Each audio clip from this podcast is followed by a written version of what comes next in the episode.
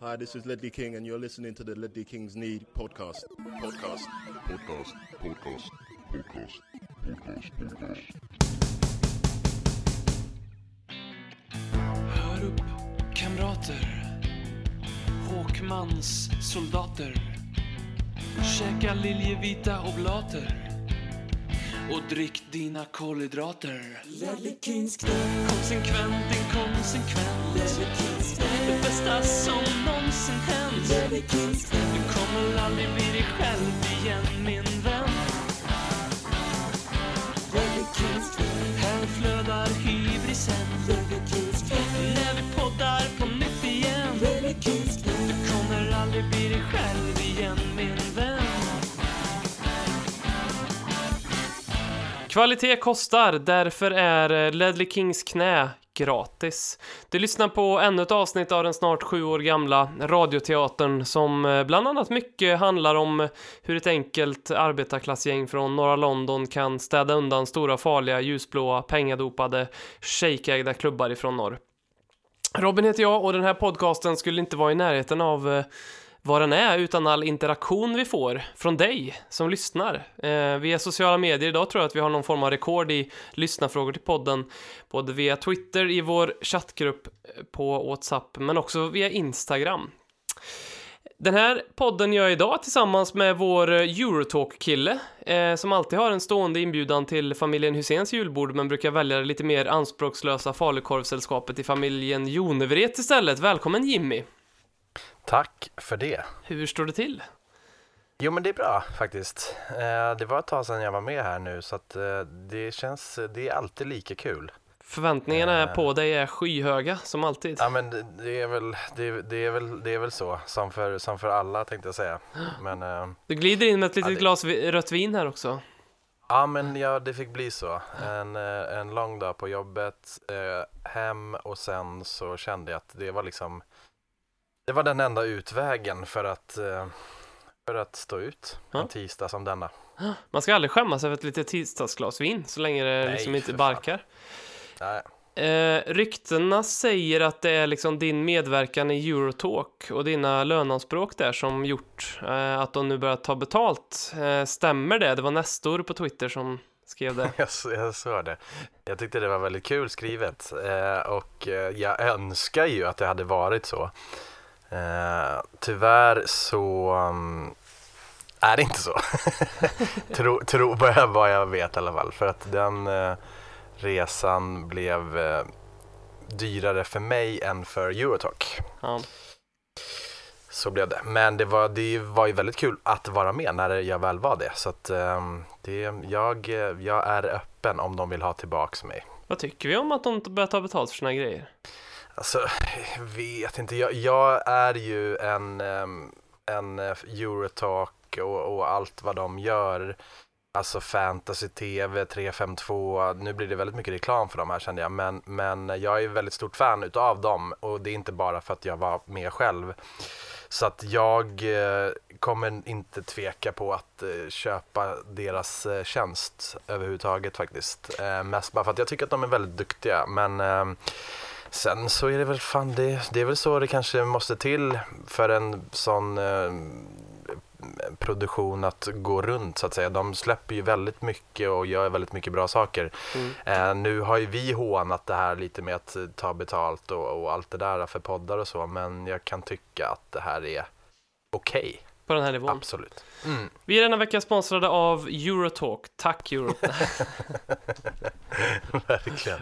Fan vilka jävla fina ord. Jag, det, ja. Av mig Martin dem, Åslund, alltså. eh, du, du tror inte liksom att Martin Åslund, det, det här är liksom inte en dag för sent för honom att det här händer? Så känns det ju. Lite så känns det ju. alltså. Ja. Ja. Det här avsnittet i alla fall av Lelle Kings knä, det är lika laddat som en eh, toalettsits på Spybar, så jag tycker vi ska dra igång den här slipstenen. Ja, den är, den är laddad. Den är laddad. Det vore ju en underdrift att kalla matcher eh, Tottenham-Manchester City emellan för något annat än laddad också. Eh, eller vad säger du? Ja. Eh, det, det är allt, jag, jag tycker att det är ångest och ofta när vi, när vi möter dem. Det känns alltid, vi, det var ju någon period där för ganska många år sedan där vi fick så jävla mycket smörj varenda match. Den känns alltid lite läskig, men ändå, man är ju underdog oftast i den så då känns det mer bara, fan, gå ut och kör, det blir nog bra. Mm. Vi, Eller har, dåligt. vi ska ju gå in på den här fantastiska 2-0-vinsten. Ehm, men vi ska stanna upp eh, lite grann eh, innan det och, och, och minnas tillbaka lite grann. Vi mm. chattade lite. Jag, jag tycker att det är väldigt vackert hur vissa fotbollsmatcher är någonting mer eh, Eh, än bara liksom en lottad omgång i en lång och utdragen liga som trofast eh, löper på lika eh, liksom år ut och år in, precis som Lelle Kings friska knä. Vi har ju ett par sådana exempel.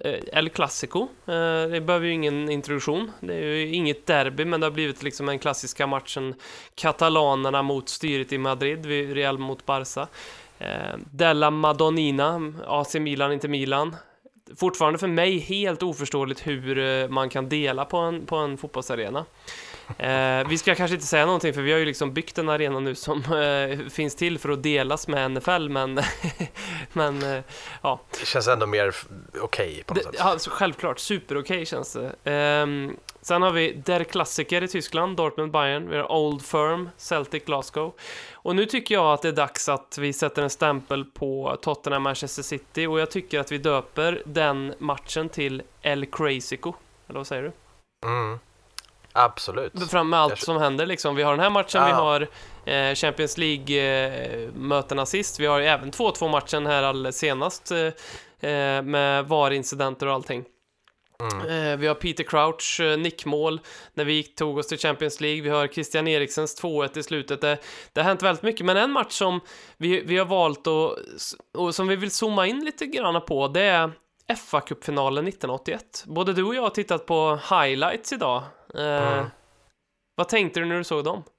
Alltså, i och med att man, man jag, jag har liksom inte, i och med att det var före både din och min tid, så har man liksom, jag har inte sett den matchen, jag har inte upplevt den heller, mer än att man har ju koll på när Tottenham har tagit de hyfsat få titlar vi har tagit så att säga. Så att, um, att, att få gå in och jag vet att jag har gjort det för många år sedan också men att få gå in och titta nu på något sätt det är, det är ju fint alltså. Fan vilka, vilka härliga bilder, vilka matcher och vilka tröjor och vilka spelare. Ja, det var, ja, det, var det värmde i, i en, i en Tottenham-kropp.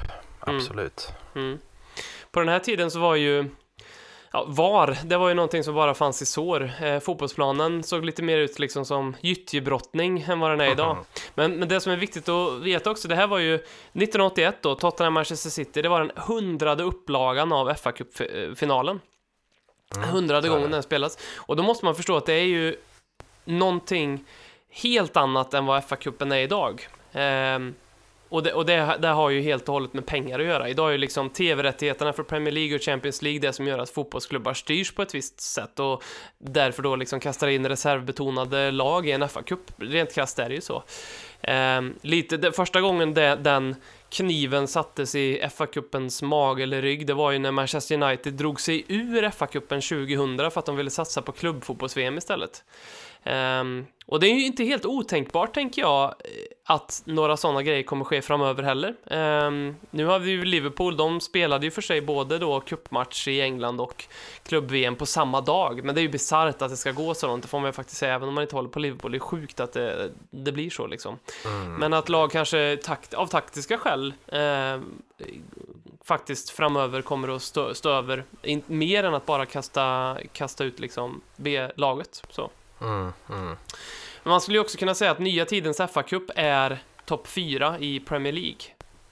Um, mm. Så.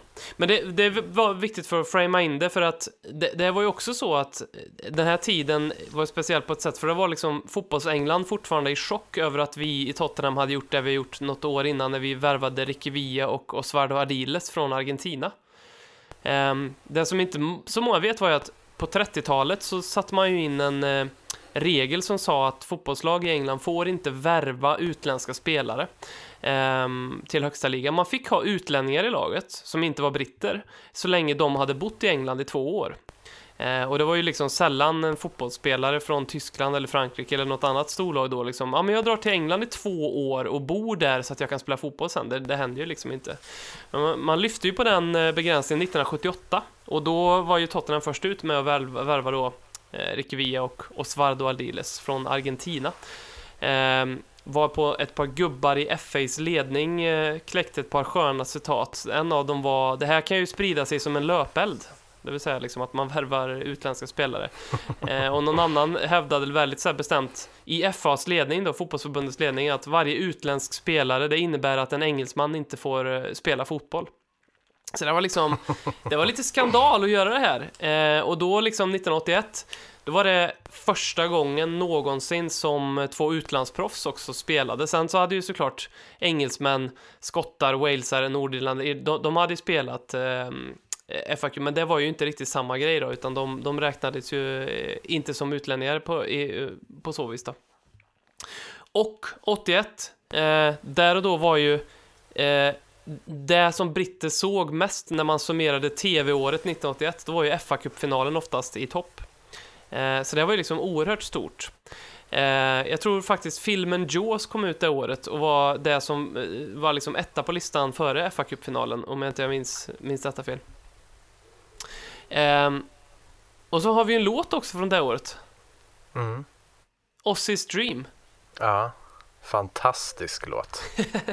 Va? Vi var, vi var ganska, vi tänkte lite samma där när vi pratade om det tidigare under dagen, att det var liksom den låten. Men jag tror att det är nog den första liksom, jag kan inte säga att jag, man, man, jag kan inte påstå att jag lyssnar på Tottenham musik. Jag att du gjorde en fantastisk eh, spellista nu på eh, och la ut på Twitter tror jag för inte så länge sedan. Men då var det mer av fans så. Men det här är ju faktiskt en Tottenham-låt och det är ju på, till viss del, det är väl en ramsa också om inte den sjungs på arenorna. Den skulle kunna göra det i alla fall. Mm, mm. Ja men den har ju verkligen en ramsefil och det är som du säger, det är sällan man tar sig till att lyssna. Den här låten var, för mig var det den absolut första Tottenham-låten jag lärde mig.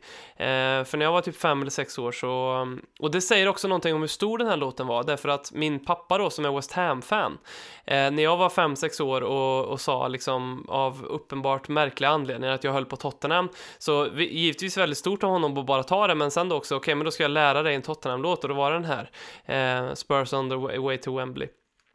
Mm. Eh, som kom då från 81, Chas and Dave, som skrev in, de, när det blev klart att Tottenham var klara för eh, fa Cup-finaler så, så skyndade de sig till studion för att spela in liksom en anthem för laget.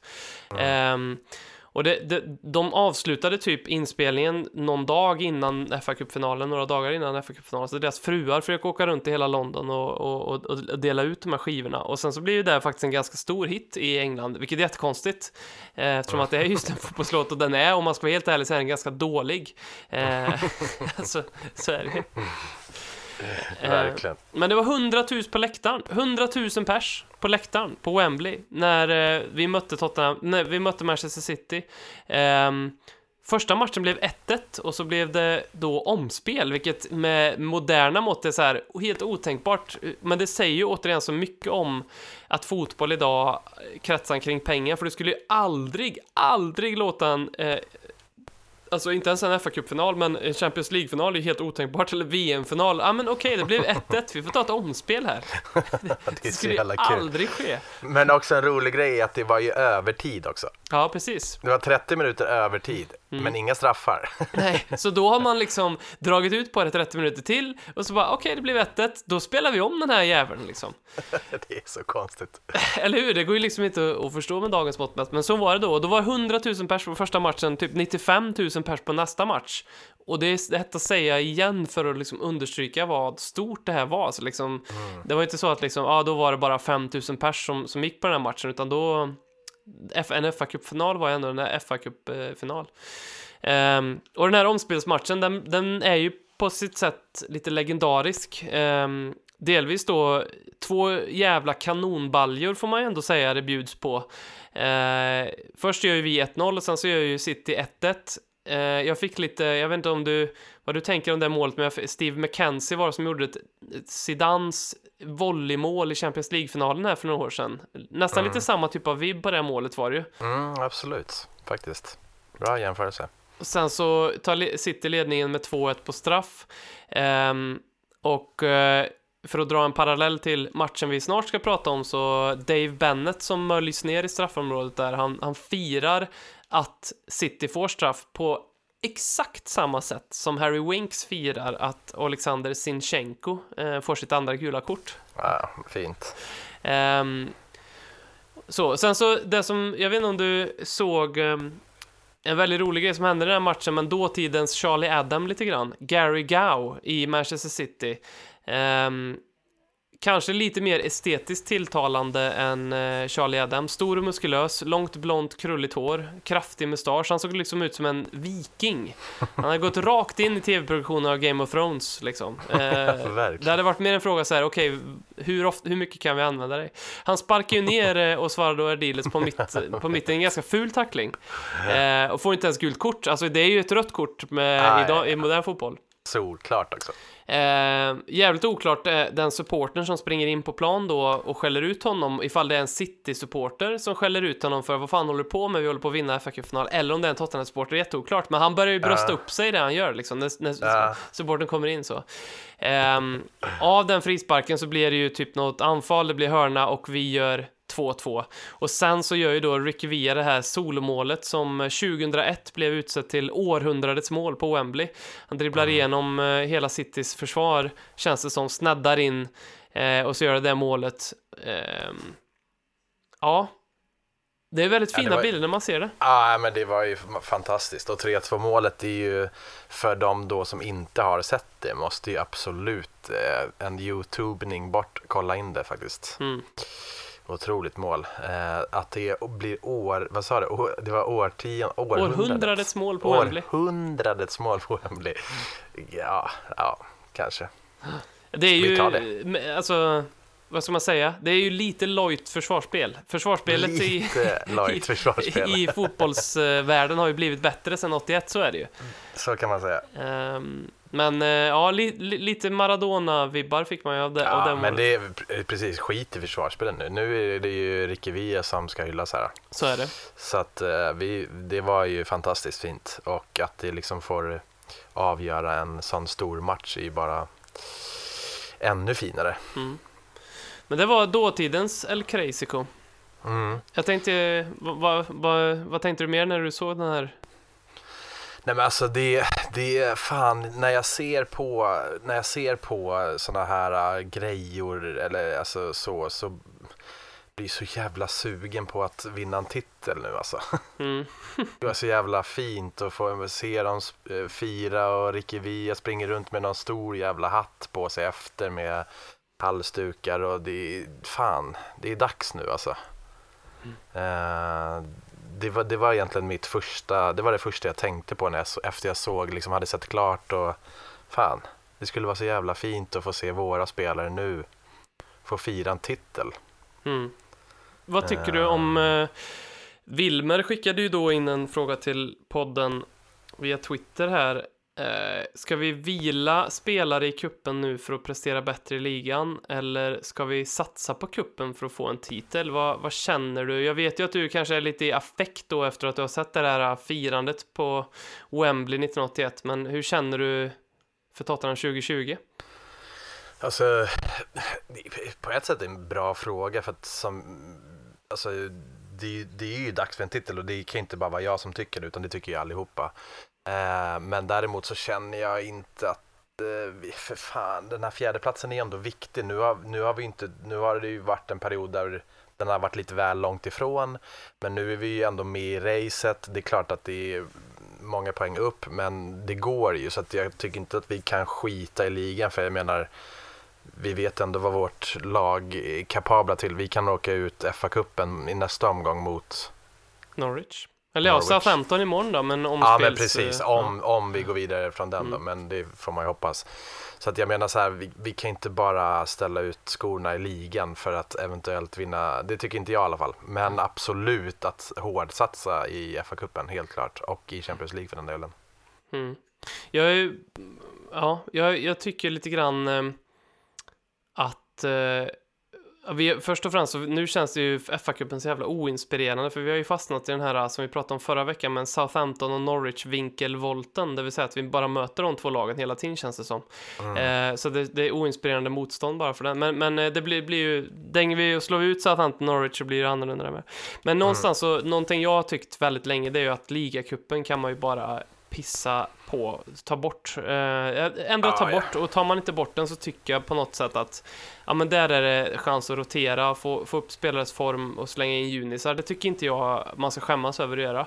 Eh, men däremot liksom en inhemsk kupp, eh, det ska man ha och FA-cupen eh, tycker jag att vi ska tackla på samma vis som vi tack- tacklar en, eh, en ligamatch, det vill säga vi ska ställa upp absolut bästa möjliga lag. Mm. För jag vill någonstans tro också att det sänder rätt signaler till ett lag att alltid ta ut det där och då starkaste laget. Jag tror liksom att man bygger vidare på det psykologiska i att vinna fotbollsmatcher hela tiden i längden är bättre än att liksom, okej, ja men nej men nu har vi en lite viktigare match till helgen här så att du får spela imorgon för att vi ska liksom rotera lite. Jag tror att det, det, det, ställ, jag tror det ställer till det. Mm. Ehm, Nej men alltså ligacupen, det har ju hållit på så jävla många år nu. Jag kan inte ens minnas när man ens ställde upp med riktigt bra lag. När vi vann 2008 till exempel, ligacupen då tänker jag. Vad spelade du, alltså, jag kommer inte ihåg de matcherna innan allt mot Arsenal i semin och, och sen eh, Chelsea. Men jag kan har ju svårt att tänka mig att vi ställde upp med ordinarie 11 varje match då liksom. Mm. Så att jag tycker att det, det, på något sätt har jag hållit på lite för länge att det, det blir nästan det är bara onödigt. Fan, ta bort den hellre är- då mm. satsa på FA-cupen och gör den till något stort igen. Fan, tänk och Mm. nu, kan inte, nu får det inte plats 100 000 på Wembley, men fylla upp, alltså liksom fan, få den fin igen. För nu börjar ju den också tappa på ett Mm. sätt. mm. Och då, jag menar, vad fan, en inhemsk cup, det måste man ju ha. Skrota ligacupen och fan Mm. och satsa på FA-cupen. Det är ju ändå jävligt anrikt. Det är fan världens äldsta cup om jag förstår det rätt. Jo, men visst är det så. Bara det sentimentala värdet i det. Mm. För en kupp är ju ändå alltid en kupp och det är ju det som är roliga med en kupp är ju att, för det vi inte får glömma är ju att vi sitter ju här och gnäller på det här eftersom att vi också har Champions League och topp 4 och, och så. Eh, men lag som slutar eh, neråt i, utanför Europa League-platserna i Premier League. Jag kan tänka, ja men som den säsongen när vi slog ut eh, Arsenal, då tror jag faktiskt att vi hade liksom alltid vårt bästa lag i kupperna. Men det var ju för att vi hade ju ligacupen, FA-cupen och Premier League. Vi hade Mm. ju inte ett Europaspel.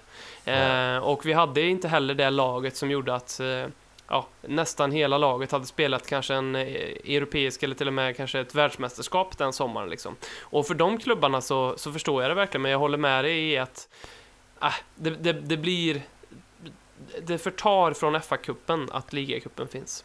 Mm. Ja, men det gör det. Men jag tror också att det är de mindre klubbarna som du säger, de som är utanför Europa i Premier League. Mm. De roterar ju också i princip, inte kanske hela elvor, men många spelare i alla fall. Så att jag menar, inte, inte ens när de lägger fullt manskap på en kupp för att det är det de har på en säsong. Mm. Då måste man ju inse någonstans att fan, det här funkar ju inte. Tänk Mm. vad kul det hade varit om FA-cupen var den enda kuppen och alla gick verkligen fullt ut för att vinna den. Det hade ju varit helt fantastiskt. Vilken jävla... Mm. Då hade det blivit sån där publikfest som det var då. Liksom. Ja, och så det som är charmen med det, att något lag från de lägre divisionerna kan eh, ta sig långt i kuppen och att det blir en Ja. kul grej liksom. För det händer ju inte i Premier League, du har ju liksom de 20 lagen som som, som har kvalificerat sig till Prem- Premier kvalificerat, men de som börjar säsongen, det är de som man sen får dras med i eh, ett drygt halvår liksom. Mm. Ja, men längre. precis. Ja, verkligen. Vi är denna vecka sponsrade av Ingenting. Ingenting är det bästa alternativet där ute för dig med sunt förnuft som skyr saker som spelbolagsreklam eller 15% på redan alldeles för dyra kläder som ingen kommer bry sig om om ett halvår ändå. Gå inte in på någon hemsida och framförallt uppge ingen rabattkod. Kom ihåg, livet är mer än konsumtion. Tack, Ingenting. Jag tänkte jag skulle läsa upp ett citat här eh, från Mm. Pep Guardiola. Spännande. I, I andra sporter som till exempel basket, tennis eller golf, när du gör det vi har gjort så vinner man en fotbollsmatch. Det är därför fotboll är så fascinerande men också frustrerande. Det är den enda sporten där du kan ha 30 skott och mot, motståndarna 3 och s- inte vinna matchen. Det här var Pep efter våran 2-2 match på Etihad i augusti. Det citatet passar ju inte sig jättedåligt in på den här matchen vi precis har spelat heller, tänker jag. Verkligen inte. Alltså. Tycker du att den här matchen var hämtad ur någon form av Mourinho-handbok för hur man eh, vinner en fotbollsmatch? Alltså, ändå, ändå lite skulle jag säga.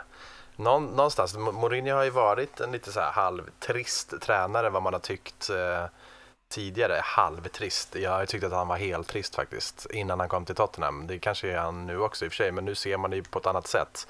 Och kan vi vinna en sån här match som du säger med, dem, med den här statistiken, nu vet jag inte om det var exakt samma den här gången då, men då tar man ju det liksom. Men, men det är det väl. Det är väl lite Mourinho det här. Mm. Jag upptäckte ju en sak ehm, i mitt eget supporterskap därför att när Mourinho kom så var en av de känslorna som jag inte gillade, det var ju det här och jag, jag har nog sagt här i podden också att det jag är lite allergisk mot det är ju det här med att spela defensiv fotboll och jag vill ju att Tottenham ska spela champagnefotboll. Och det vill jag fortfarande också. Eh, och sen så var det så på ett sätt kul när vi hade Erik Niva i podden så sa han att eh, hans sätt att se på det är att det, liksom, det finns inget rätt eller fel, i, det finns inget finare sätt att vinna fotbollsmatcher på. Liksom. Eh, och när jag eh, konstaterade i måndags när jag eh, kom in på kontoret och var liksom lite lättare i steget och lite gladare och liksom sådär, eh, så insåg jag att jag älskar att vinna fotbollsmatcher så här. Eh, n- när vi liksom inte är vä- värda det alls och så vinner vi ändå. Ja, det, det var någonting som hände att, och då känner jag att ja, då kan vi ställa upp med jävla 10-11 manna eh, försvar och så kontrar vi. Jag kommer inte bli mm, eh, olycklig av det. Eh, tvärtom så Nej. kommer, kommer det kommer trigga mig lite grann. Eh, sen så tror jag inte att, och jag, här måste man ha två tankar i huvudet också för att jag vill att vi ska spela bra fotboll för då mår jag jävligt bra. När vi liksom dominerar matcher, det, det, då är det ju kul som fan att kolla på fotboll. Det är ju svinnervigt att kolla på den här matchen. Det var ju vidrigt att kolla på den här matchen i långa stunder för man satt ju bara väntade på att de skulle göra mål. Eh, så det var lite intressant, jag upptäckte det att jag, jag tycker det var ganska kul att vinna matchen på det här sättet. Mm. Ja, men jag, kan bara, jag kan bara hålla med. Det är bara att instämma. Fan, seger som seger på något sätt. Och att slå dit en, en, en, en större klubb än sig själv, eh, oavsett hur de har kommit dit eller inte, så är det ju fantastiskt. Och, vi- pratade inte om det här i någon podd eh, för inte så länge sedan? Det var någon liknande som vi tog. Vilken var det? Wolves borta. Wolves ja. ja. Ja, det Den var ju här, fy svinhärlig, Fan, bara skön seger. Alltså, Ja. Det var ju en av de bästa, efter, möjligtvis efter den här i år, som nästan har varit skönast på något sätt. Mm. Så att jag, jag bara, jag bara instämmer. Jag tycker fan de, de är fan fina och, och sen är det ju alltid härligt att vinna med 6-0 liksom, men det gör vi ändå inte så att. Mm. Lite grann om vi ska prata Mourinho. um, Jag, jag, det är väldigt tydligt, och nu säger jag det här för tredje gången tror jag i podden här, men att vi får inte längre stryk med 5-0 som vi kunde få under Pochettino. Det är liksom, han har städat undan det, så. Någonting som jag har saknat, det är ju planen framåt. Det känns som att anfallsspelet under Mourinho har varit liksom, ja men någon tar tag i bollen och så får vi se vad som händer, gör ett bästa liksom. Det, det har varit utan någon form av, det har inte kunnat, man har inte kunnat se mönster. Men det var det eh, skillnad på i den här matchen tyckte jag. Då hade vi en jättetydlig spelidé framåt. Möjligtvis är det för att vi inte har Kane nu som vi måste göra någonting eh, annorlunda. Givetvis hade vi några försök på långbollar, men någonting som lyckades väldigt bra var de här eh, uppspelen eh, från eh, backlinje till mittfält, en snabb eh, kanske passning tillbaka, någon som sticker i någon form av djupled och så går man och, och det lyckades vi med väldigt många gånger.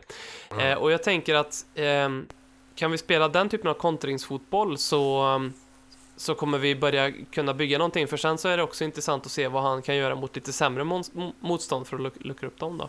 Mm, ja men precis, och det är ju nästan en större fråga på något sätt, för det är ju svårare Alltså att spela den, att luckra upp ett, ett lag på, på White Hat Lane som står tio man i box, liksom, det, de, de är, det är ju svårt och det förstår jag också. Det kan vara otroligt frustrerande men att här tycker jag Mourinho gör ju en fantastisk match på så sätt för att han har ju förstått det att försök locka upp City-spelarna lite grann från backlinjen, som du säger, slå en lång boll på ytan bakom som det lyckades ju många gånger och det var ju, det är bara hatten av tycker jag för det var ju otroligt smart. Sen att inte det alltid är det roligaste men som sagt, fan skit i det nu. Det måste ju vara effektivt också.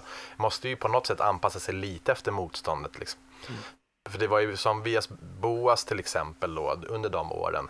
Han var ju naiv och då gick det ju åt helvete också så att mm. Det att anpassa är... sig och göra det bra, det är, det är bara hatten av tycker jag. Kanon. Något annat som jag också tänkt på eh, som är nytt eh, för den här säsongen, det är ju att nu är det faktiskt första gången som jag tittar uppåt i tabellen med lite positiva ögon. Istället för att jag liksom tittar neråt i tabellen och känner någon form av lite höjdrädsla. Hur långt kan vi falla här nu egentligen? Liksom så, eh, efter den här matchen. Kalle Olsson stäng, ställde oss den frågan på Instagram kommer vi ikapp Chelsea? Och det är så här, ja, det är svårt att spekulera om. Jag, det är nästan som att jag inte vill ge mig in på det eh, lite grann, men samtidigt så tänker jag så här. Eh, jag var inne och tittade och det här är farligt att göra för det blir aldrig som man tänkt sig. Men jag var inne och tittade och började räkna lite. Vad är det för match Chelsea har kvar och vad är det för vi har? Och det, då är det fördel Tottenham, det måste man ändå säga. Eh, och man måste också få säga det att Frank Lampards lag är ett yngre lag, lite mer orutinerat lag. Eh, det tycker jag kanske i längden kan tala för att man oftare presterar bättre när man jagar någonting och när man är hög på sin egen framgång. När man ska bevara en topp 4-plats så, eh, så är det lite skörare. José Mourinho har kommit in i Tottenham, eh, väckt dem till att jaga någonting. Här, nu kanske mm, framförallt med City-matchen, liksom tron börjar komma tillbaka. Så om vi kommer ikapp Chelsea eller inte eh, Hade du frågat mig bara för någon vecka sedan här Kalle, då hade jag sagt absolut inte. Eh, nu säger jag ah, kanske. Vilk, tänk... vad, hade vi kvar då? Eller kan du dra några? Vilka har Chelsea som är jobbiga om man säger så? Då? Ja, men de har ju, de har ju mer sådana matcher än vad vi har. Eh, framförallt mm. har de ju mer matcher mot eh, tuffare motstånd. Eh, sen så är det ju alltid den här eviga frågan om, ja, men vad är ett eh, tufft motstånd eller inte då? Mm. Jag vet inte om vi får räkna Arsenal som ett tufft motstånd, men de har ju vi kvar. Sen har vi ju en liten ödesmatch mot Chelsea här eh, om en månad ungefär. Mm. nej, ja, mindre än tre veckor. Bortamatch mot Chelsea. Mm. Eh, men vi har United hemma också. Eh, och Arsenal hemma givetvis. Vi har också Leicester hemma. Det är ju de tuffa, om man får säga så, matcherna vi har kvar egentligen. Mm. Eh, sen så om man tittar ur Chelseas perspektiv så givetvis då, ja, de spelar mot eh, United nästa omgång. Det är de hemma, sen spelar de mot oss då. Ehm, sen så har de City kvar. Ehm, de har eh, tre London-derbyn i rad. West Ham, Watford, Crystal Palace. Eh, de har Sheffield United borta, det tappar man gärna poäng. De har Liverpool kvar borta. Ehm, så att, mm. Eh, ja, du ska vara jävligt försiktig med sånt här, men det... Ja, men jag förstår ändå att du, att du skiner upp lite grann i alla fall och att du drar till med ett kanske när du läser det. För det är ju ändå den, hur, är det sex poäng? Sju? Uh, nu är det väl fyra poäng? Ja, det är fyra poäng nu, ja mm. såklart. Vad dum jag är. Mm. Uh, nej, men herregud, vad fan hoppet, det får inte lämna oss heller och det får ju verkligen inte lämna spelarna heller. Mm. Så att eh, jag tycker absolut, vad fan, och jag, jag kan också känna någonstans här eftersom det har varit en så jävla konstig säsong och vi har bytt tränare och sådär. Så jag har känt så här, kommer vi ikapp Chelsea, kanon, fan vad bra gjort. Gör vi inte det, ja, surt, men väntat på något sätt efter den perioden som har varit liksom. Mm. Eh, så, men vad fan, vi måste ju hoppas och det, det är ändå Chelsea vi ska ikapp och det vore ju fantastiskt om vi kunde komma ikapp dem liksom. Mm. Men, men som du säger, eh, matchen då borta mot Chelsea nu om ett par veckor här, det blir ju en jävla ödesmatch alltså. Mm. Det blir, man får ju inte torska då i alla fall, så, så mycket kan man säga. Borde Sterling fått rött kort? Eh, alltså, jag eh, har ju hört lite och lyssnat lite på studios och sådär efter det, men alltså, ja, det är ju, nu håller vi på Tottenham allihopa här, som, eller inte alla kanske, men det är ju solklart rött kort alltså för mig. Jag kan inte förstå hur med hjälp av VAR man inte kan ge rött kort när de ändå tittar på det, så att, eh, äh, absurt pinsamt. Mm. Mm. Ja, verkligen. Och eh, framförallt eh, med tanke på Aubameyangs situation som var identisk. Alltså det, Mm. vi, vi jämförde ju Andy Robertsons situation här eh, för någon, någon poddar sedan. Ehm, men jag tycker att situationen med, med Aubameyang och den här, det är exakt samma. Och då, Mm. ja, VAR har vi pratat om så många gånger. Vi kommer inte bli kvitt VAR. Eh, vi kan Nej. diskutera ut och in, men någon form av förbättring, någon form av justering av VAR måste vi ju få. Eh, Så enkelt är det ju. Ja, ja, så är det ju helt Och- klart. Men alltså, då tycker inte jag man kan jämföra till exempel Robertsons i, i där och då känner man ju fan det där kan absolut vara rött. Mm. Men jämför den med Sterlings nu. Ja, då är ju Sterlings Sterlings mycket värre. Alltså det är ju, så det finns ju nivåer på det där också. Och sen så, som du säger, VAR, man är så trött på ens ta upp det och tänka på det. Men man kan ju inte låta bli heller eftersom sådana här situationer uppstår. Det, ju, det blir ju helt galet. Sen har vi straffbonanzan. Eh, Mm. Hur kan det dröja så länge innan någon blöser sig? Det var ju komiskt. Ja. Eh, och man visste ju bara liksom att, jag tror spelarna också visste att på något sätt att ja men det här kommer att, de det kommer att bli straff. Och jag satt och funderade på vad, var, vad skulle hända om City gjorde ett spelmål under den tiden? Eh, skulle då det målet rent tekniskt eh, strykas och så skulle det bli straff istället? Eh, och så skulle de potentiellt kunna missa den straffen och så är det fortfarande 0-0. Jag, jag, här är jag liksom, eh, det finns ingen som har kunnat förklara det här för mig. Eller är det så att de hade till och med kunnat fått häng på 2-0 eh, när de hade då fått en straff och gjort ett spelmål under tiden vi väntade på VAR-beslutet. Jättesvårt, men, men jag tror det är så att hade vi gjort ett spelmål eller City gjort ett spelmål så hade det inte gilts, utan då hade man eh, gått till, så att säga, tillbaka till straffsituationen. Men så Eh. måste det väl vara eller? Ja, det måste ju vara så. Det är väl ändå egentligen det enda rätta. Men då, Ja. och då funderar man på om de ändå tittar på det. Ja, Det, det, det blir ju jävligt knepigt alltså. Ja, men Eh, jag undrar om det finns någon sån regel, liksom, om det är typ mål eller rött. Till exempel säg att Sterling-situationen hade hänt i väntan på straffen, förstår du? mm, Då måste ju, på ett sätt måste ju Sterling ändå åka ut då, vi säger att de hade tagit ett rött. mm. Man kan ju inte göra så bara för att, ah, ja men det är, man räknar inte det här som att bollen var i spel eller Nej, vad precis. man nu gör. Så skulle, Så skulle att- man ringa till Sterling då, Öj, du får komma ut igen här nu för det blir straff till er istället. Alltså det är Ja, jätte, alltså, jätteknepigt. Ja, ah, fan, det där är ju en jävla lurig, det är ju en konstig situation, men det är som du säger. Det tog- fan 2.30 innan de blåste. Ja, helt, helt kon- jättekonstigt. Ja, för jag var ju också helt inställd på att det skulle bli straff. Mm. Det, nu kollar de, det kommer och sen tog det liksom en minut och då kände jag så här, "Ah, men vad fan vad skönt, det blev ingen straff, vad konstigt, det såg ju ut att vara det tyckte jag. Mm.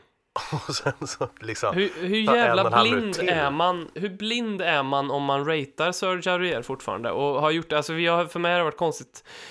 Alltså, jag- om du tycker att Serge Aurier är en bra fotbollsspelare, då kan du ju bara titta på när Tottenham har bollen i sista tredjedelen. För ja, där slår han liksom ett par bra inlägg då och då. Inte alltid, men då och då. Och sen så, eh, så brukar han ha- ta rätt positioner. Allt annat spel, till och med hans inkast, är ju bedrövliga. Hans Instagram-stories efteråt är ju bedrövliga. Hur kan någon ratea honom fortfarande? Det vet jag inte. Men nej det är ju speciellt alltså. Mourinhos reaktion måste vi prata om också, Mm. som jag antar att alla har sett. Eh, och som på något sätt så måste jag återge den eftersom att någon kanske inte har sett det, men det som händer är ju att när eh, VAR gör sin granskning på Hugo Lloris, eh, ja, vi får väl ändå säga att det borde blivit straff där. Det är ju också jättekonstigt hur det inte kan bli straff, men eh, Hugo Ja. Lloris, det är, en, det är en filmning från Sterling. Det här är precis efter straffen slås. Eh, returen som kommer ut, Hugo Lloris sticker på den eh, och han, han ehm, Även om inte, nu kastar ju sig Sterling, men även om man inte gör det så, så, så bör ju det kunna definitivt bli straff då. Men det blir ju ingen, inte det. Eh, och då börjar man ju tänka så här, okej, då borde man ju tycka då i varummet att ah, det här är en filmning, förstärkning och då ska det vara ett gult kort.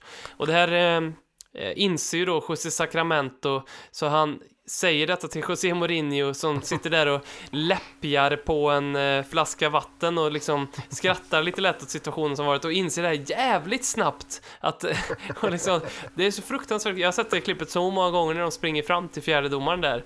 Ehm, och alltså jävla trögstartad han är Mourinho. Han springer verkligen med hela jävla kroppen. Det är som han åker längdskidor liksom, som han har stavar. Han, det, ja, väldigt, väldigt kul. Ja, det var komiskt faktiskt. Det var ju det. Men man, det, här, är- det var också så här. Nu, nu ska jag, jag vet inte vem jag försvarar nu eller vem jag tänker på. För att tänk om Klopp hade gjort det där. Ja. då hade jag ju blivit vansinnig. Ja. Men nu går det inte på samma sätt. Nej. Så att jag vet inte om jag ska säga att det är fel av Mourinho, för jag tyckte att det var ganska kul klipp och jag tycker att det är skönt att Mourinho är lite mer livfull än vad Pochettino och company var. Men, men ja, det, det, var ju, det, var, det där var ju kul på något sätt. För att det är som du säger, fan vilket jävla ryck han fick liksom. Men det är ju det som är lite kul med fotboll för att eh, det är liksom skönt att kunna lägga spelare och fans och då Klopp eller tränare i vissa typer av fack. Eh, som där, där allt de gör bara är dåligt och man hatar dem för det. Eh, så det är en jobbig fråga du ställer. Vad hade vi reagerat om eh, Mm, Klopp hade mm. gjort samma faktiskt? Så, ja, nej. Men eh, Steven Bergvin, målet. Vad tycker du egentligen om eh, Kim Ljunggren? Vad tycker du egentligen om hans målgest? Jag vet inte. Jag vet inte. Alltså kör på liksom. Det är väl, är det din grej så gör det liksom. Jag, jag kunde egentligen inte bryta mig mindre på ett sätt. Nej. Jag har lite Men- svårt för det. Jag har, jag har väldigt svårt för det, måste jag Ja. säga. Alltid haft. Eh, och det, återigen då, de här handshakesen som vi gjorde, Sergio Aurier och Hengminsson höll på med och Dele Alli höll på Mm. med väldigt länge. Ehm, det var liksom sådana saker som, jag orkade inte bli upprörd över det, men jag vill inte se det. Jag vill inte se en sekund av den här skiten. Eh, men för, för det jag tycker lite grann, jag tycker verkligen man ska ha en målgest, men jag gillar ju de här målgesterna som, ja men tänk dig Harry Winks har ju såklart inte en inövad målgest. Nej, nej, Eh, nej, nej. det, alltså typ bland de sista spelarna har det. Men vad, skulle han, vad gör han när han gör mål? Jo, då, den gången han gjorde mål mot West Ham, då Mm. kutar han hela jävla vägen och bara hoppar rakt i famnen på Pochettino. Sådana gester älskar jag ju när det kommer. Ja, det är ju vackert alltså. Men när det är liksom någon form av så här, de har stått hemma och i spegeln tre timmar och så här övat lite olika målgester och så bestämt, då känns det... Det är något som inte klickar för mig där. Mm, ja, men sen har jag, alltså min, min absoluta favorit är ju också, om inte VAR tar död på fotbollen så är det ju också ett annat exempel på att man försöker ta död på det är ju när man firar och gör det med fansen, att man hoppar in i publiken. Liksom. Mm, Det får du ju varning för nu för tiden. mm, Och det är annars min favorit tycker jag. Bara, Mm. För det, det, känns som, det känns jävla genuin, som en genuin glädje att man bara vill vara nästan en i publiken och fira på något sätt. Eh, Så det är ju absolut min favorit. Alltså då kan du ta bort de här jävla tecknen och handshakesen och vad fan det nu är. Och jag skulle vilja säga att riva av sig tröjan också, den är jag svag för. Eh, för det tycker jag också känns så jävla där och då. Eh, Ja, ja, men som, så jävla episkt, nu är inte det Tottenham, men sen, när Sergio Aguero gör det där målet på QPR och de vinner ligan, när han gör det, då ser man att han liksom, han gör ju det bara för att han vet inte vad han ska liksom ta sig till, vad han har ställt till med. Eh, och det tycker jag är så jävla skönt, den typen av målgester. Ja. Så man får ju nästan uppmana, Harry Kane är ju kanske den absolut tråkigaste målgestliraren vi har just nu. Ett tag så gjorde han ju riktigt bra målgester. När han gör mål mot Arsenal till exempel, då brukar det hända saker. Eh, men annars så brukar han liksom hoppa upp, knyta näven samtidigt och liksom säga typ så här yes. Det, det, det är väldigt trist å andra sidan liksom. Ja, Ehm. fy fan. Det, det, det där är sån här knattemålgest som man gjorde bara för att man gjorde, behövde göra något. För man gjorde För mål i kroppen. ofta. Ja, men det är så här, man behövde göra någonting. Thomas Brolins snurr, liksom. Va, Mm. Vad fan är det egentligen? Mm. Alltså nu var ju Thomas Brolin fantastisk på alla sätt. Eh, ja, 94 i alla fall. Men ja. Men jag riktade Toby Alderweireld möjligtvis en känga till Danny Rose. Han ehm, uttalade sig om Steven Bergvin eh, efter matchen och eh, sa då that he showed that he can handle the level. We have a very positive group. If you behave normally you belong immediately. Eh, sa ju då Toby Alderweireld. Mm. Ehm, känns lite som att han subtweetade Danny Rose där. Ja, men det, det, det kändes absolut som det. Jag läste det där också. Och, och om han gjorde det så tycker jag det är, det är helt rätt ju. Mm. Det är, det är skitskönt att någon kan göra det. Sen vet man inte vad som händer. Det får vi väl kanske se då på den här äh, dokumentären på Amazon. Eller är det det? Ja. Mm.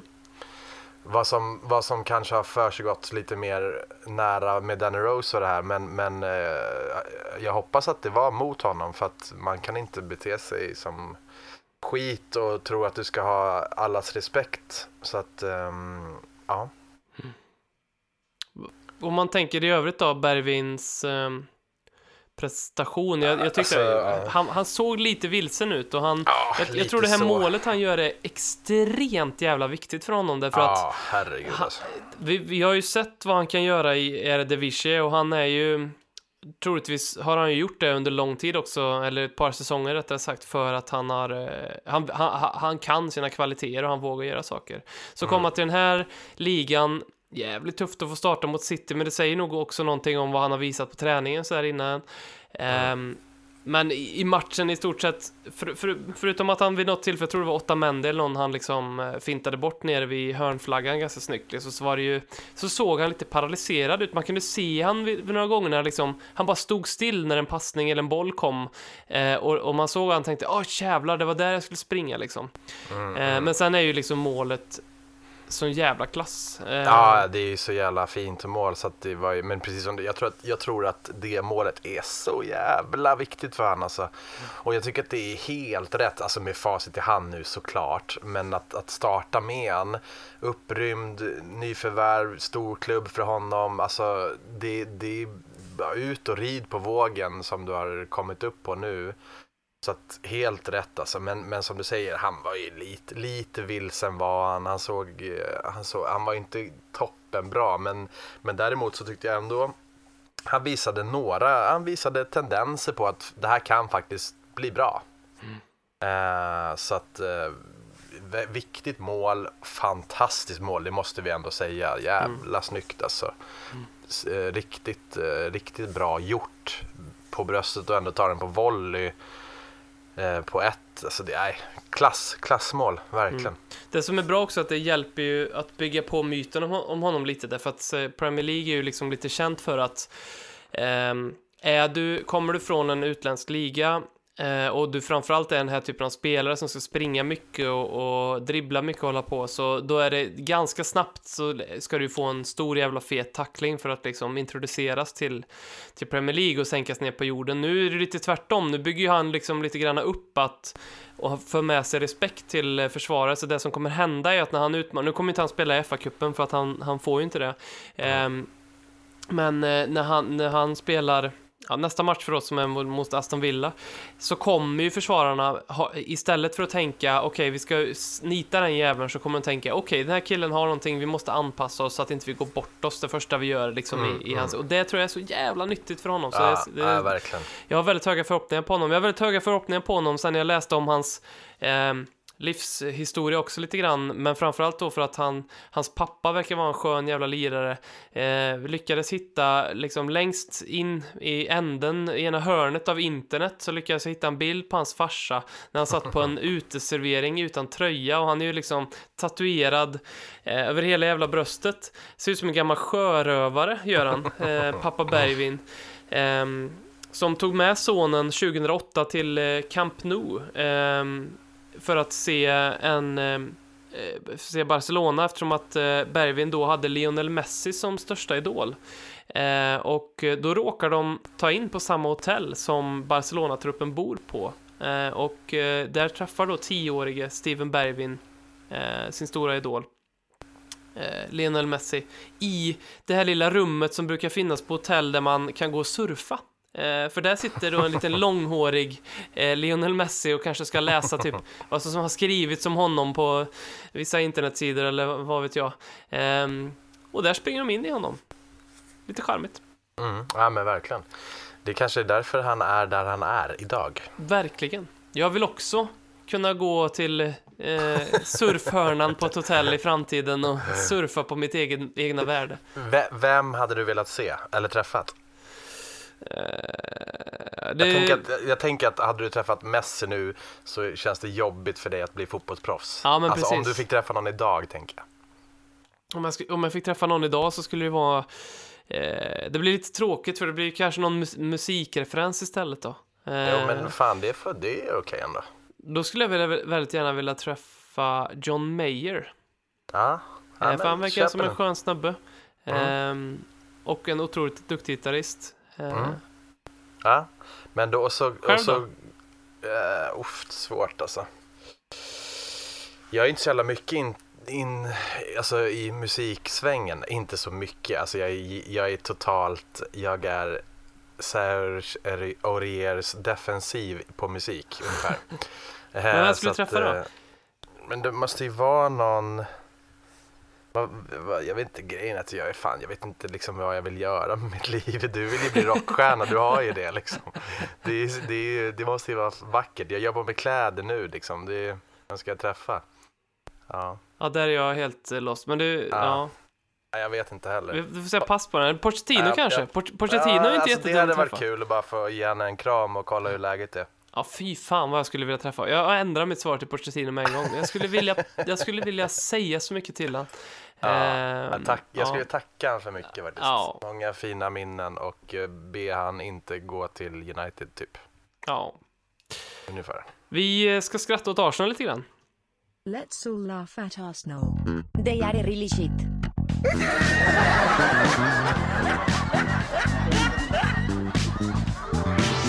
I have seen traffic lights that have stayed red longer in North London.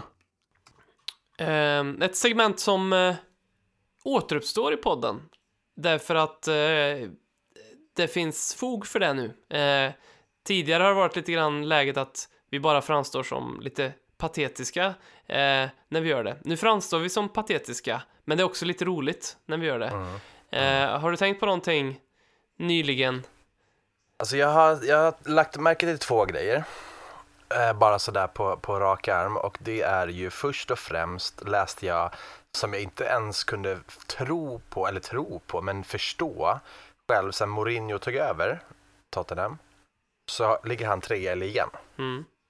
Eh, vilket var förvånans... Det var, det var, där blev jag förvånad, för det trodde jag inte. Det säger Eh. ganska mycket om vad dålig Premier League är i år, för den är faktiskt riktigt verkligen. dålig. Eh, Ja, ja. ja, Mm. det är galet faktiskt. Men eh, det säger ju väldigt mycket. Men då såg jag också i den tabellen så låg Arsenal på 15 plats, vilket var, det var ju härligt. Mm. Man bara liksom bläddrade ner. Jag blev tvungen att nästan byta sida på, um, på tabellen. Och det, är ju, det var ju härligt och det skrattar man ju åt såklart. Eh, sen så såg jag också att eh, Arsenals nya fantastiska succétränare, åtta poäng av typ 30 möjliga, sämre än Ljungberg, Mikael Arteta, skyllde på gräsmattan borta mot, efter krysset mot Burnley. ja, det är jättekonstigt. Ja, det, sånt, sånt. Jävlar vad jag gillar det alltså. Och, och det har ju Arsenal hållit på med så jävla länge. Arsene Wenger var ju... Det finns det ju bara att googla Arsene Wenger excuses. Det är ju alltid från liksom att de spelade någon bortamatch någon gång och hade gula tröjor och att det ställer till det. Och det, alltså det är så mycket. Det, det sitter i Arsenals DNA att ha dåliga ursäkter. eh, Så. Eh, väldigt kul kontring av Burnleys Twitterkonto som bytte sin header till en eh, oklippt gräsmatta. det är fantastiskt. Men det är sånt där, det är något, det finns något med Premier League där faktiskt. Det är, Sen det är måste, vi, ja, sen måste vi ta upp ehm, hur jävla flopp eh, PP är, för det var länge sedan vi tog eh, att det ja. är den största floppen i modern tid.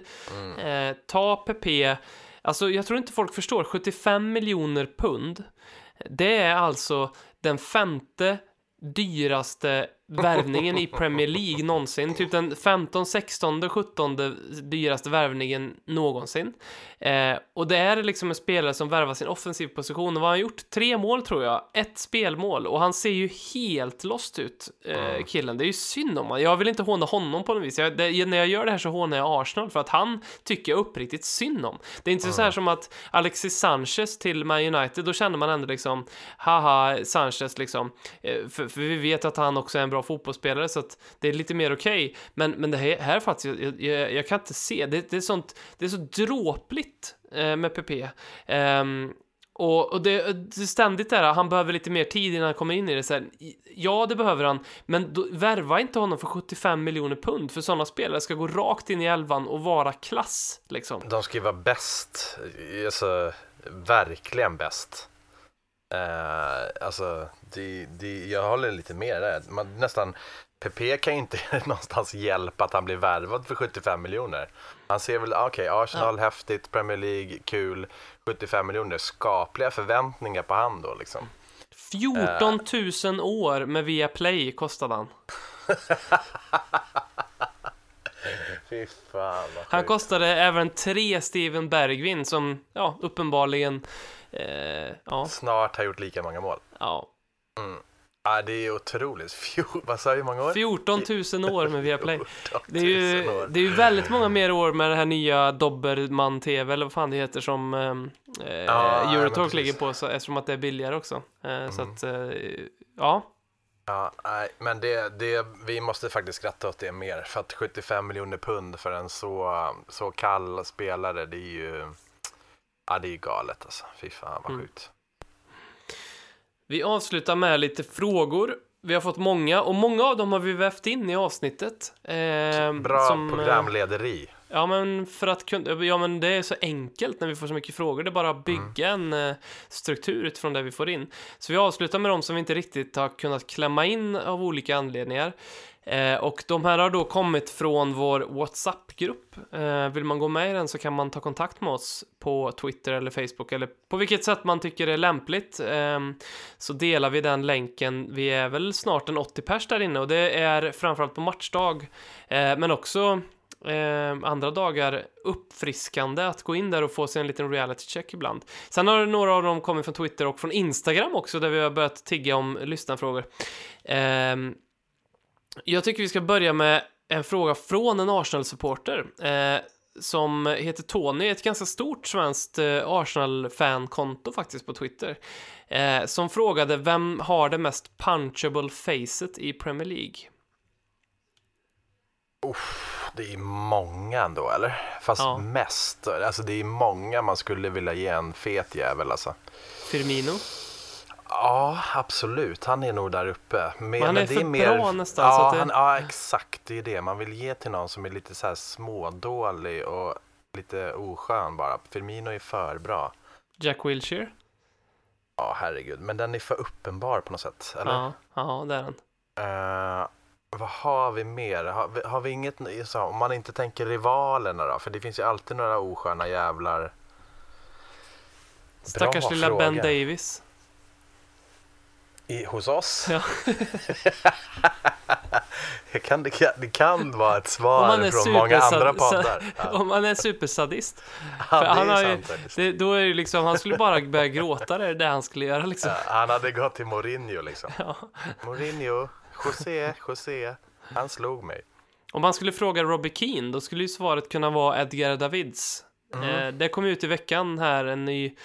ehm, Jamie O'Hara satt i Talk Sport och, och berättade om när Robbie Keane gav Edgar Davids en um, rak höger eh, på en av de första träningarna de hade ihop. Um, då hade Edgar Davids kommit från liksom Serie A och tyckte att han var han var någonting eh, och Robbie Keane, de hade börjat käfta och så Robbie Keane på den här tiden tränade ju ganska mycket boxning har ju Martin Joll berättat. Så Martin Joll har ju också varit i Talksport eh, för ett par år sedan och berättat om den här incidenten. Och eh, då eh, sagt att ehm, Ja, eh, han, in, han, började, han började varje försäsong med att säga om ni börjar bråka här, då kommer jag gå in eh, och, och liksom och Martin Jarl var ganska stor och stark. eh, så att det var ett hot. Ehm, och, och så sa han liksom också att ni kommer få en fet jävla böter om ni, om ni gör något sånt här. Och i det här fallet var det liksom Edgar Davids som tjänade hur mycket pengar som helst och hade gjort så att det, var, det, liksom, det fanns ingen böter som skulle liksom skada honom på något vis. Och sen så var det Robbie Keane som var världens minsta lilla kille liksom egentligen. Så Martin Joll kände någonstans att eh, här, han blev liksom lite paralyserad. Lite kul att lyssna på. Ja, men det är det är ju, det, det har ju något, helt klart. vi får fundera lite på den här vem som har den mest punchable Ja, facet ja, men det, eh, ja, jag ska försöka komma på något. Det finns ju den här i Bournemouth som jag glömmer bort vad han heter, men det är mer för att jag ogillar han, Lem Lemina, som spelar så jävla Ah, fult. bra, Ehm, bra spaning, mycket bra. han, eh, och sen Ander Herrera har jag liksom velat daska, för att han är ju liksom, men det är mer för att han är så jävla fuskig liksom. Mm, ja, men bra, Lerma, mycket bra. Han, han eh, vill man eh, smälla på faktiskt, Mm. helt klart. Viktor Zetterström undrar vilken spelare från 2000-talet vi vill sätta in i dagens elva. Eh, det, det, rent spontant så just idag, då måste det ju bli Robbie Keane. Ja, den är ganska bra faktiskt. Mm. Vi skulle behöva en som fan. Jag tänkte en stor jävel. Eh, men eh, Peter Crouch skulle vara så jävla intressant. Mm, han, hade, han hade ju faktiskt kunnat varit jävligt nyttig idag. Jag tror faktiskt Som en det. liten Llorente-typ och eh, bara stångas lite. Mm, Men då räknar jag med att de är liksom i sin dåvarande form så att säga. mm, mm. Annars hade man ju faktiskt kunnat tänkt sig också. Nu såg ju mittfältet fantastiskt ut och om vi får igång en Dombele mot, eh, eller framåt här. Men annars hade ju faktiskt Davids kunnat varit fin också som Faktiskt. ett litet ankare där och, och få, få stångas lite och kötta på. I sin prime var ju han eh, riktigt bra. Mm, verkligen. Måste ju säga det, vi har glömt göra det, men vi har glömt hy- hylla Harry Wink som gjorde en jätteinsats mot City. Mm, verkligen. Eh, Men det var så- nog därför jag tänkte också att det var... ja, nu inte- är det svårt att få in han liksom. Ah, det, idag kan vi liksom inte såga mittfältet på något sätt efter den matchen de gjorde senast. Jag tror den här frågan kommer från Tim på Twitter med tanke på akademispecialen senast.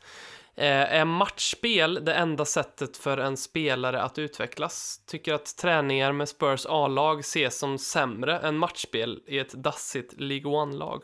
Eh, det här är ju en uppmaning till er alla som inte har gjort det och lyssna på när Robert Folin träffade eh, Carl Hurst som har följt vår ungdomsakademi i tio år. Han hade ju väldigt mycket tankar och, och mycket perspektiv. Och ett av de absolut, där, där liksom han på många sätt uttryckte många gånger, det var ju att eh, spela unga akademispelare mer, för det finns inget annat sätt att få fram dem på. eh, än att spela dem eh, med A-laget, ge dem minuter eller låna ut dem. Då. Men vad, vad tänker du? Är det, ska de träna med A-laget och hoppas på att få sex minuter när vi leder med 3-0 hemma eller ska vi låna ut dem? Alltså det, det är ju Eh, bara att låna ut tycker jag. Eh, vilket vi också gjorde nu med några stycken i eh, januari. Eh, jag tyck, ja, det känns nu vet ju inte jag det liksom till och det tänker jag att inte Tim vet heller men eh, jag, enligt mig, om jag hade varit tränare hade jag absolut lånat ut fler spelare eh, som vi inte gjorde under Pochettino då. För att fan matcher, jag har trots allt spelat fotboll och matcher det är fan det, det är ju det absolut viktigaste. Mm. Många träningar också, det får man inte glömma, är under en så intensiva spelscheman i Premier League, då är, då är ju många träningar också absolut inte fulla trupper. Många som tränar rehab, många, alltså då kan det vara, då kan det ju vara de här juniorerna och eventuellt de som satt på bänken som tränar. Så att då ger det inte så jävla mycket i alla fall. Så att ut med dem på lån, låt dem spela matcher, absolut. Väldigt kul också att nu, vi nu har gjort det. Vi skickar ut en jävla massa spelare på lån. Eh, Jättebra. På tal om det, Fletcher på Twitter pratade om några andra ungdomar än Troy Parrott. Ehm, och då kan jag ju verkligen rekommendera att lyssna på ungdomsspecialen för att få lite mer. Mm. Men jag skulle vilja ta fram en spelare som Fletcher faktiskt eh, också länkade till en artikel om och det är ju Kion Etete som jag tror ehm, det skulle vara lite märkligt nu ifall han helt plötsligt fick speltid. Men han är ju en striker och han är 1,94 lång. Eh, han är en jobbig jävel på topp. Han har spelat, han spelade i Notts County eh, där han gjorde debut i då, det var ju League 2 då, men så redan som 16-åring.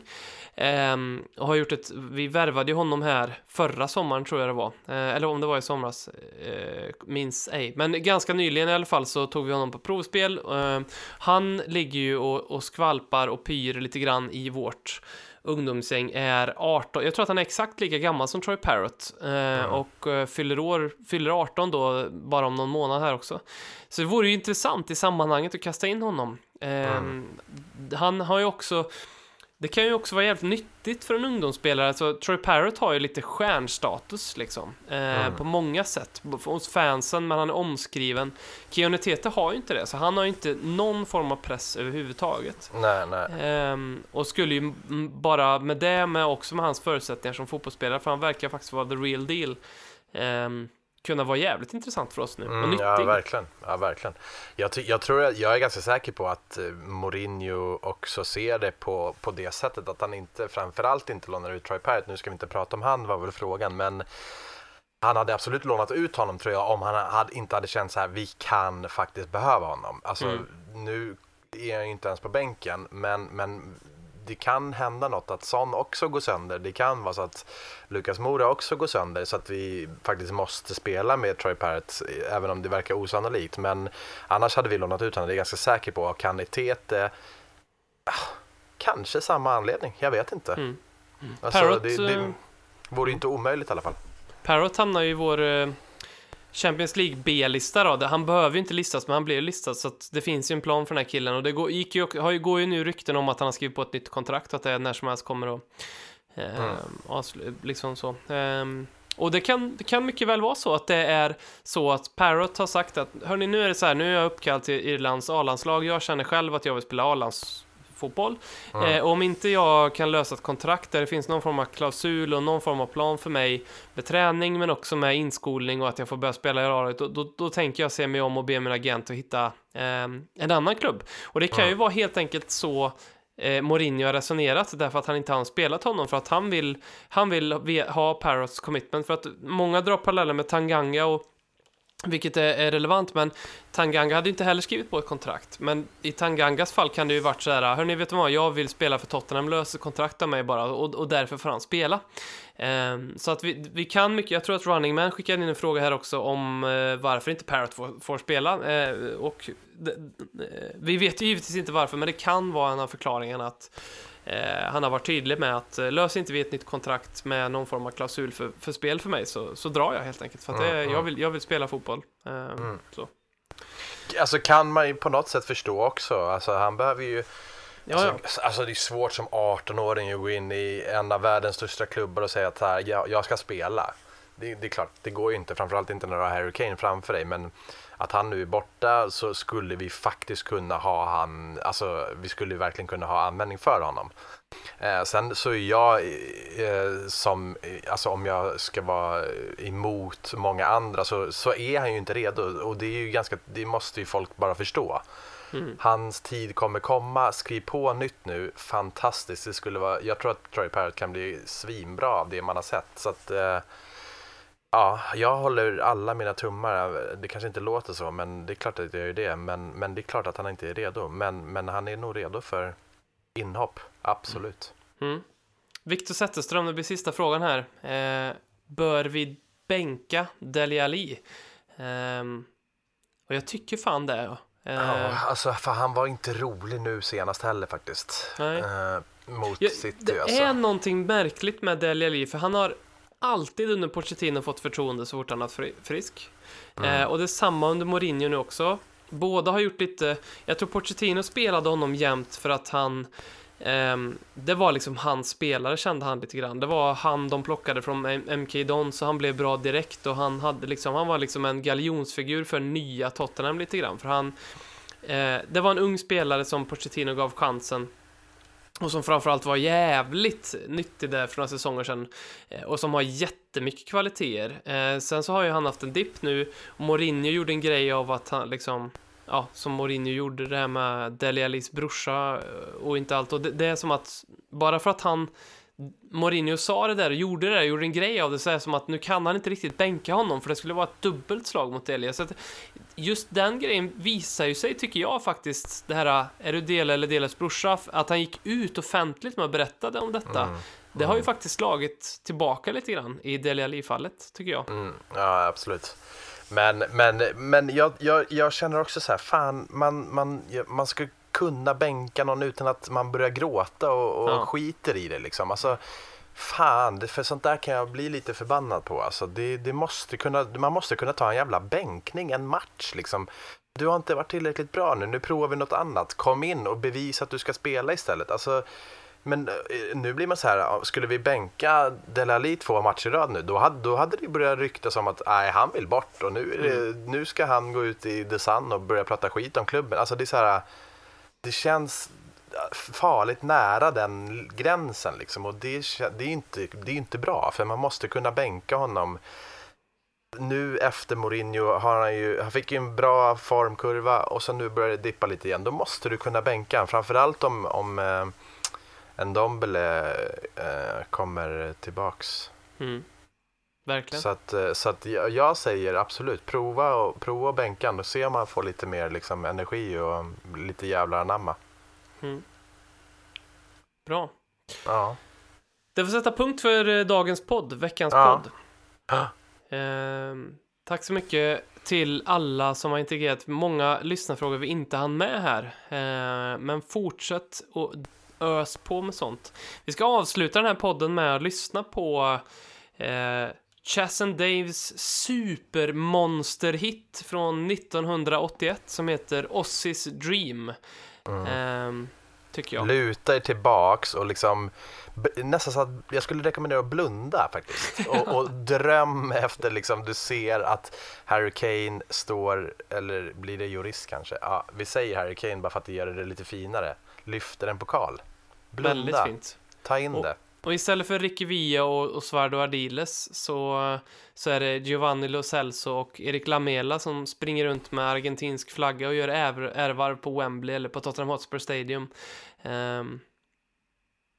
ja, det är ja, ytterligare vackert. en anledning till att blunda. Verkligen. Mm. Tack ska ni ha. Tack för det.